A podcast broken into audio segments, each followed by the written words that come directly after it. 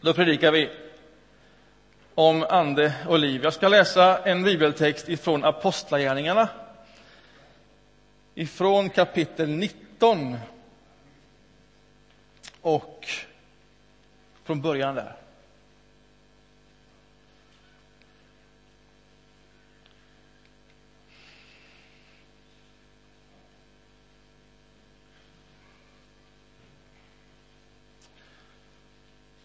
Sidan 793.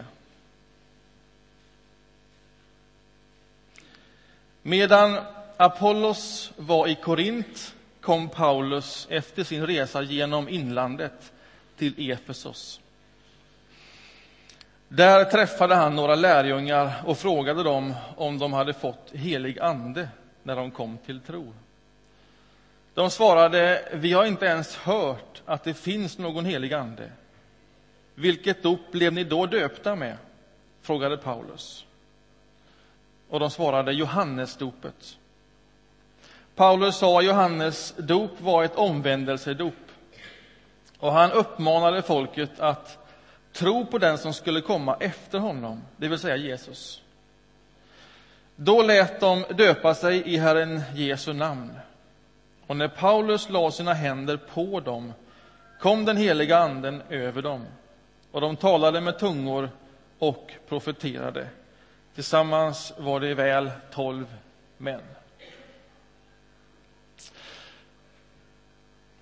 Det här är ju en spännande och märklig bibeltext.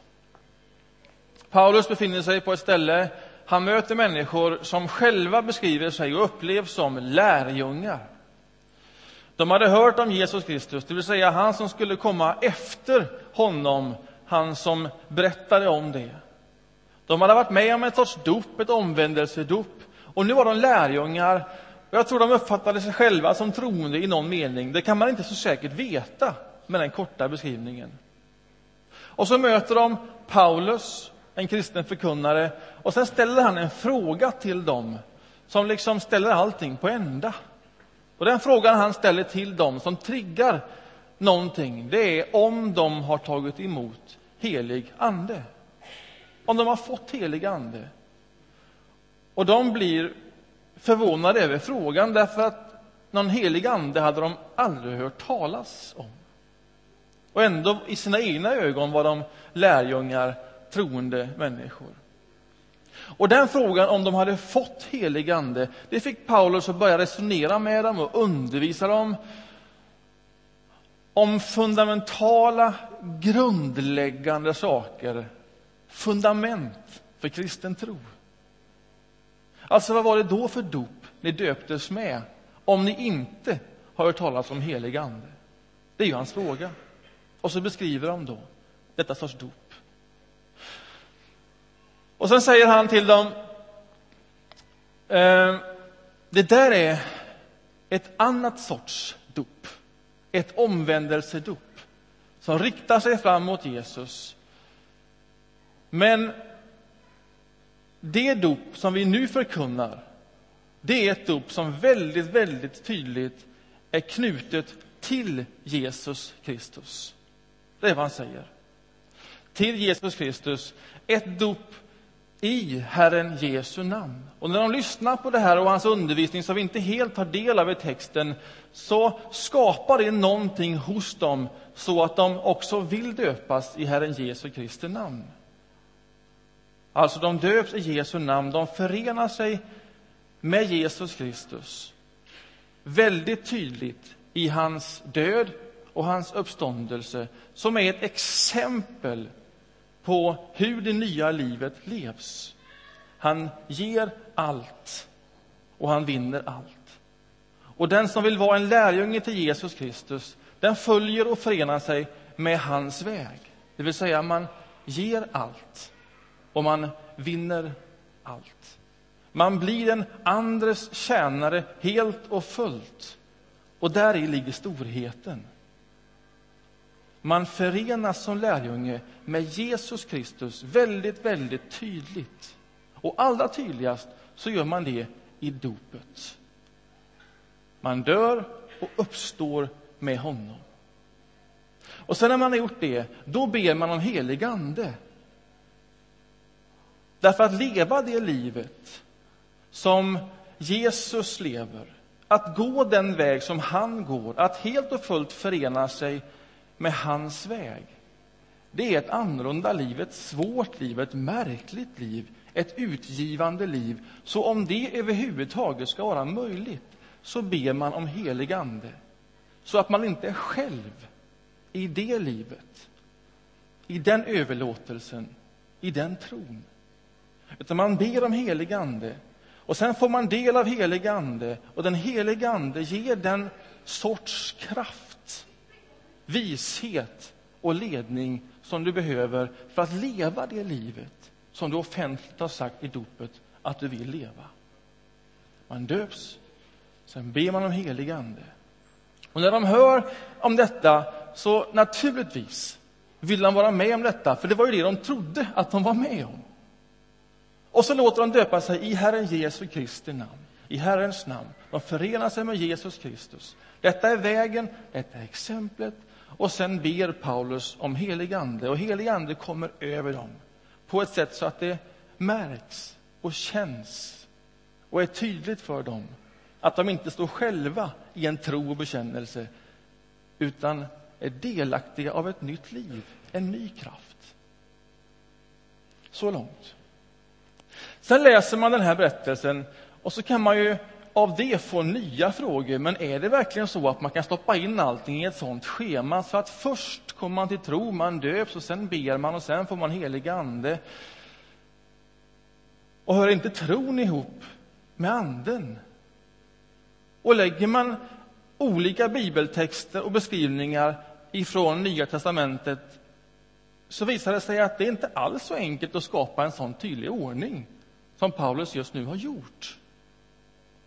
Alltså, anden tycks ju närvarande i alla moment som har med tro att göra. Alltså ingenting som bara kommer in senare i en människas liv, utan är med långt tidigare. Är en förutsättning för tro. Alltså, vad var det Jesus sa? Han sa så här.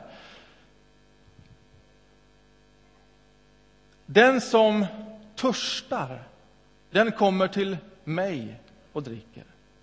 Och den som tror på mig, ur hans inre ska flyta strömmar av levande vatten. Det här sa han om Anden.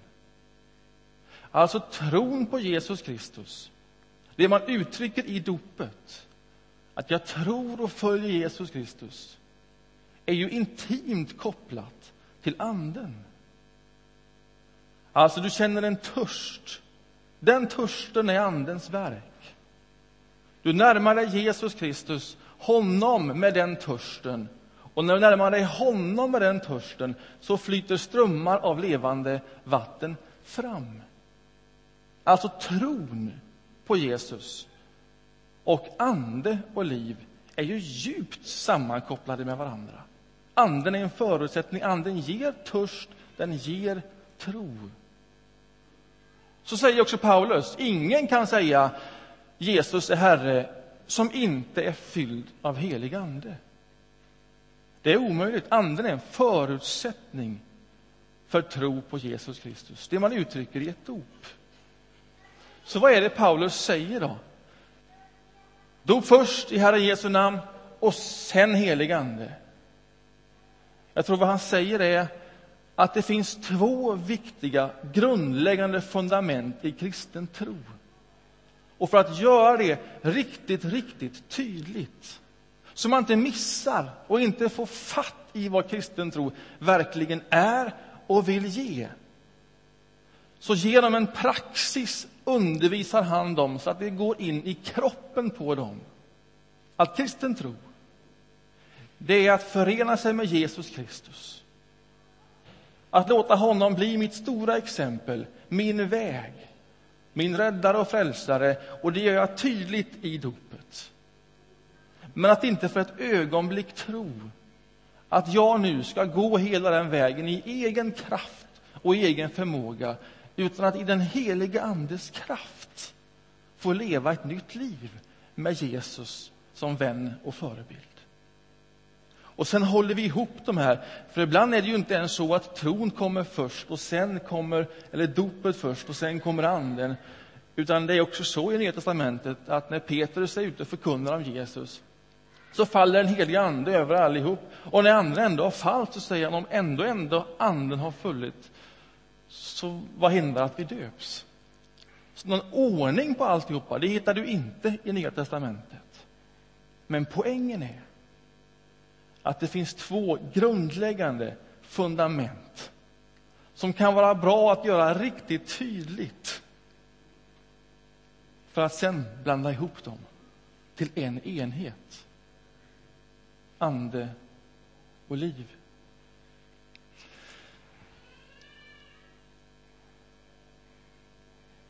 Och visst är det så att anden ger tro. Ibland tänker jag ändå att att anden är någon sorts abstrakt kraft som man kanske har hört om men som man inte låter fullt ut få det utrymme som den vill ha och kan ha i en människas liv. Att ibland är vi inte helt olika de första lärjungarna som kände att ja, men vi är på spåret och vi har tron och vi... Ibland är det bra att få frågan, just den frågan, har du tagit emot helig ande? Och få resonera omkring, ja, men vad, vad betyder faktiskt det? Om man kan ställa en sån tydlig fråga. Jag tänker mig att det är lite grann som ett sånt presentkort. Har ni fått presentkort någon gång på en sån tjänst eller vara? Hur många har fått presentkort någon gång? Ja, det är rätt vanligt. Hur många av alla er som har fått presentkort har någon gång glömt att hämta ut det? Det är lika många som har fått presentkort. Jag är en av dem som får presentkort nu då. Så, va? Och det är, man blir ju, alltså bara gåvan är ju någonting i sig. Man är uppmärksammad, du har fått någonting. Du har allting, hela värdet, rubb och stubb, i en liten papperslapp. Och sen är det så lätt att det inte blir av eller att tiden gick ut eller sådär, va? innan man hämtar ut det där. Jag skulle springa mitt första Göteborgsvarv här i vår. Nyss fyllda 40. Det säger väl någonting. Och så springer jag mitt första Göteborgsvarv.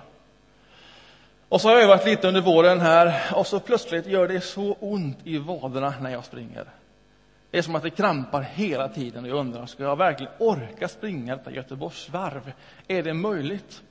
Och så springer jag en vända med en kompis som är, som är en sån stor, stor joggare.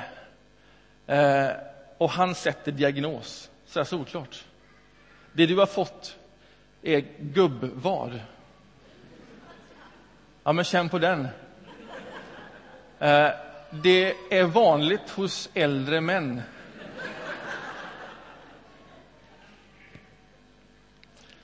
Det är ett fenomen som uppstår eh, när man är överansträngd och undertränad. Ja, så går man hem och så googlar man på gubbvad. Och så läser man alla trådar om gubbvad. Och det är inte så uppbyggligt. Eh, och hur man kan göra, om man kan göra någonting överhuvudtaget med det här. Så man smörjer salver på det här. Och, det, och så står det någonstans, en massage. Det är ett bra tips. Och då tänker jag, hade inte jag ett, hade inte jag ett presentkort på massage någonstans? Ja, visst hade jag det. Och så började jag leta igenom varenda jackficka, du vet så, vinterjackorna, sommarjackorna och ja, ingenstans. Alla väskor, lådor och grejer så här så va. Och till sist så hittar man det här presentkortet. Och som tur var det var det inte bara ett år som det gällde, utan ett och ett halvt år som det gällde. Så jag kunde ringa ett sånt där massageställe och säga, du, är det möjligt? Ja, vi har återbud en timme veckan före Göteborgsvarvet.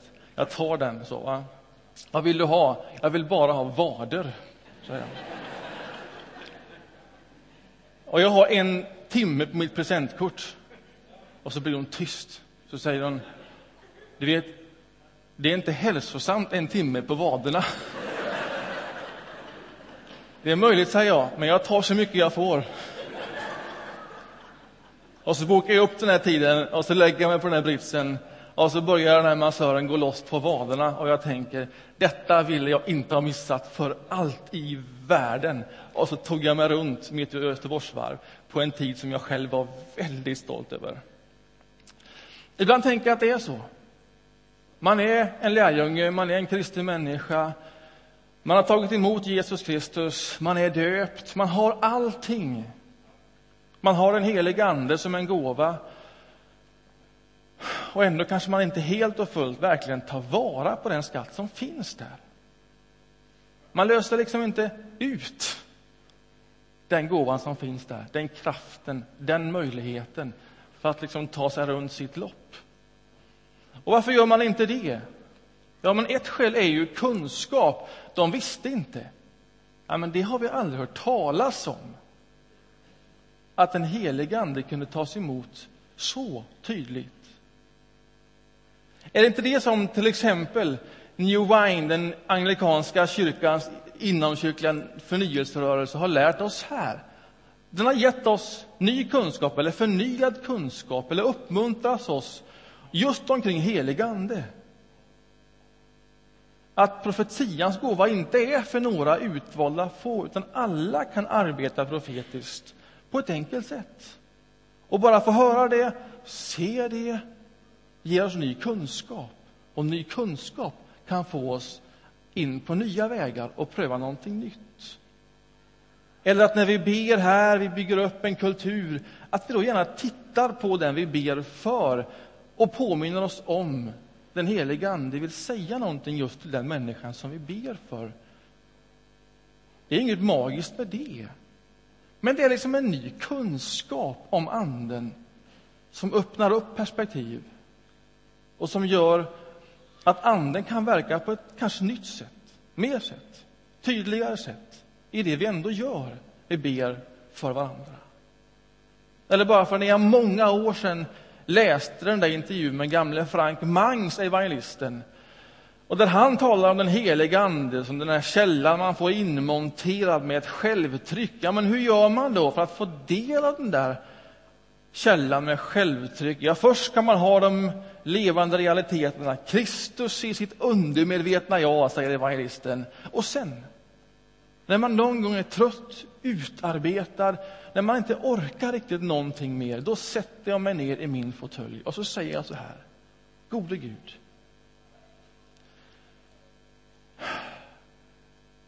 Din, min helgedom är din helgedom. Här är den heliga Ande. Den finns som en källa med ett eget självtryck. Nu är jag trött. Nu är jag slut. Fyll nu på med din kraft. Du har råd med det. Och sen blir jag fullkomligt stilla, säger Mangs. Och det slår nästan aldrig fel, utan att den helige Ande uppfyller mig och jag nu och då får säga stopp, nu räcker det. När jag läste det för många, många, många, många år sedan så blev det för mig en ny kunskap in om hur den helige Ande på ett väldigt, väldigt enkelt sätt kan få ge mig mer, få bidra mer, få ta mer plats i mitt liv. Och så skapar jag en egen ordning och en plats för det. Alltså kunskap är en sån sak som gör att vi inte löser ut det vi kanske har. En annan sak som gör att vi ibland inte löser ut det som finns där, det har nog att göra med brist på mottaglighet. Att vi inte är inställda på det. Att det inte finns utrymme och plats. Om jag igen får berätta om mig själv. Jag gör det nu innan jag snart går på semester. Så jag matar er med Joakim Agerius här. Så får ni leva på det i två månader. För jag går på semester om en vecka. Och då åker vi bort direkt och är borta flera veckor. Vilket gör att allting som måste få gjorts innan man går på semester måste bli gjort. För sen är jag borta ganska länge.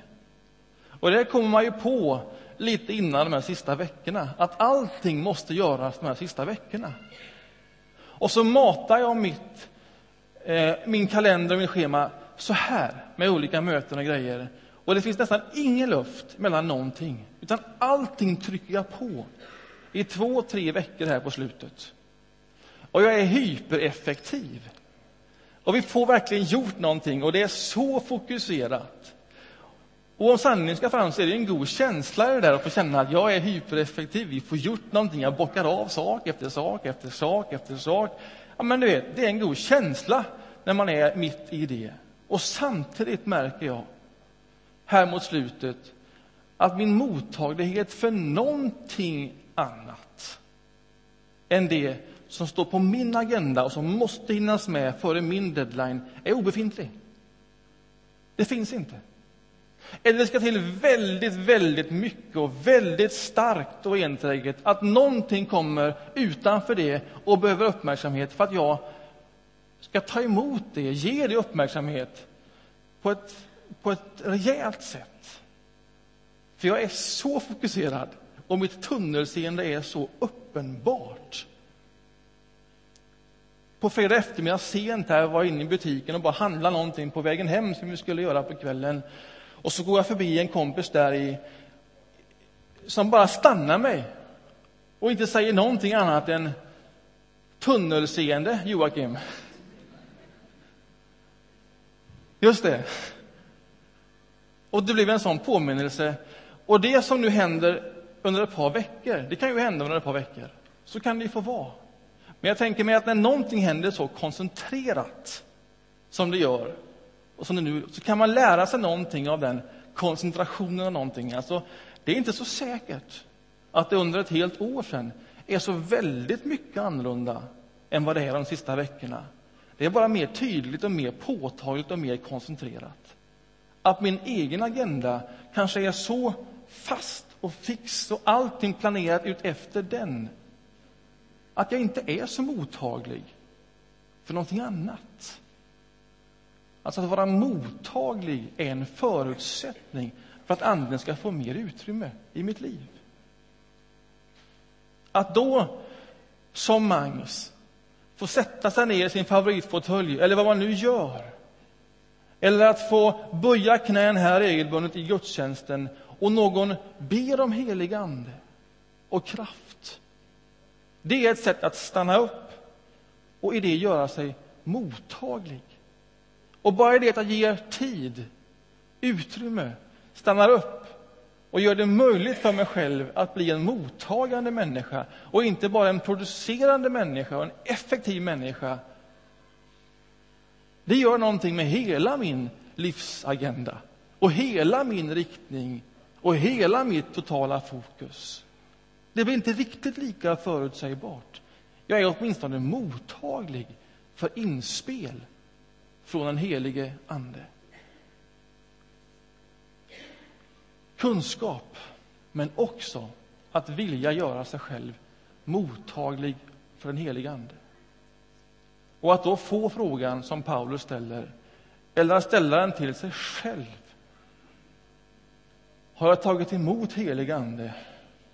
Det är en bra fråga att ställa sig, inte bara en gång, utan återupprepat.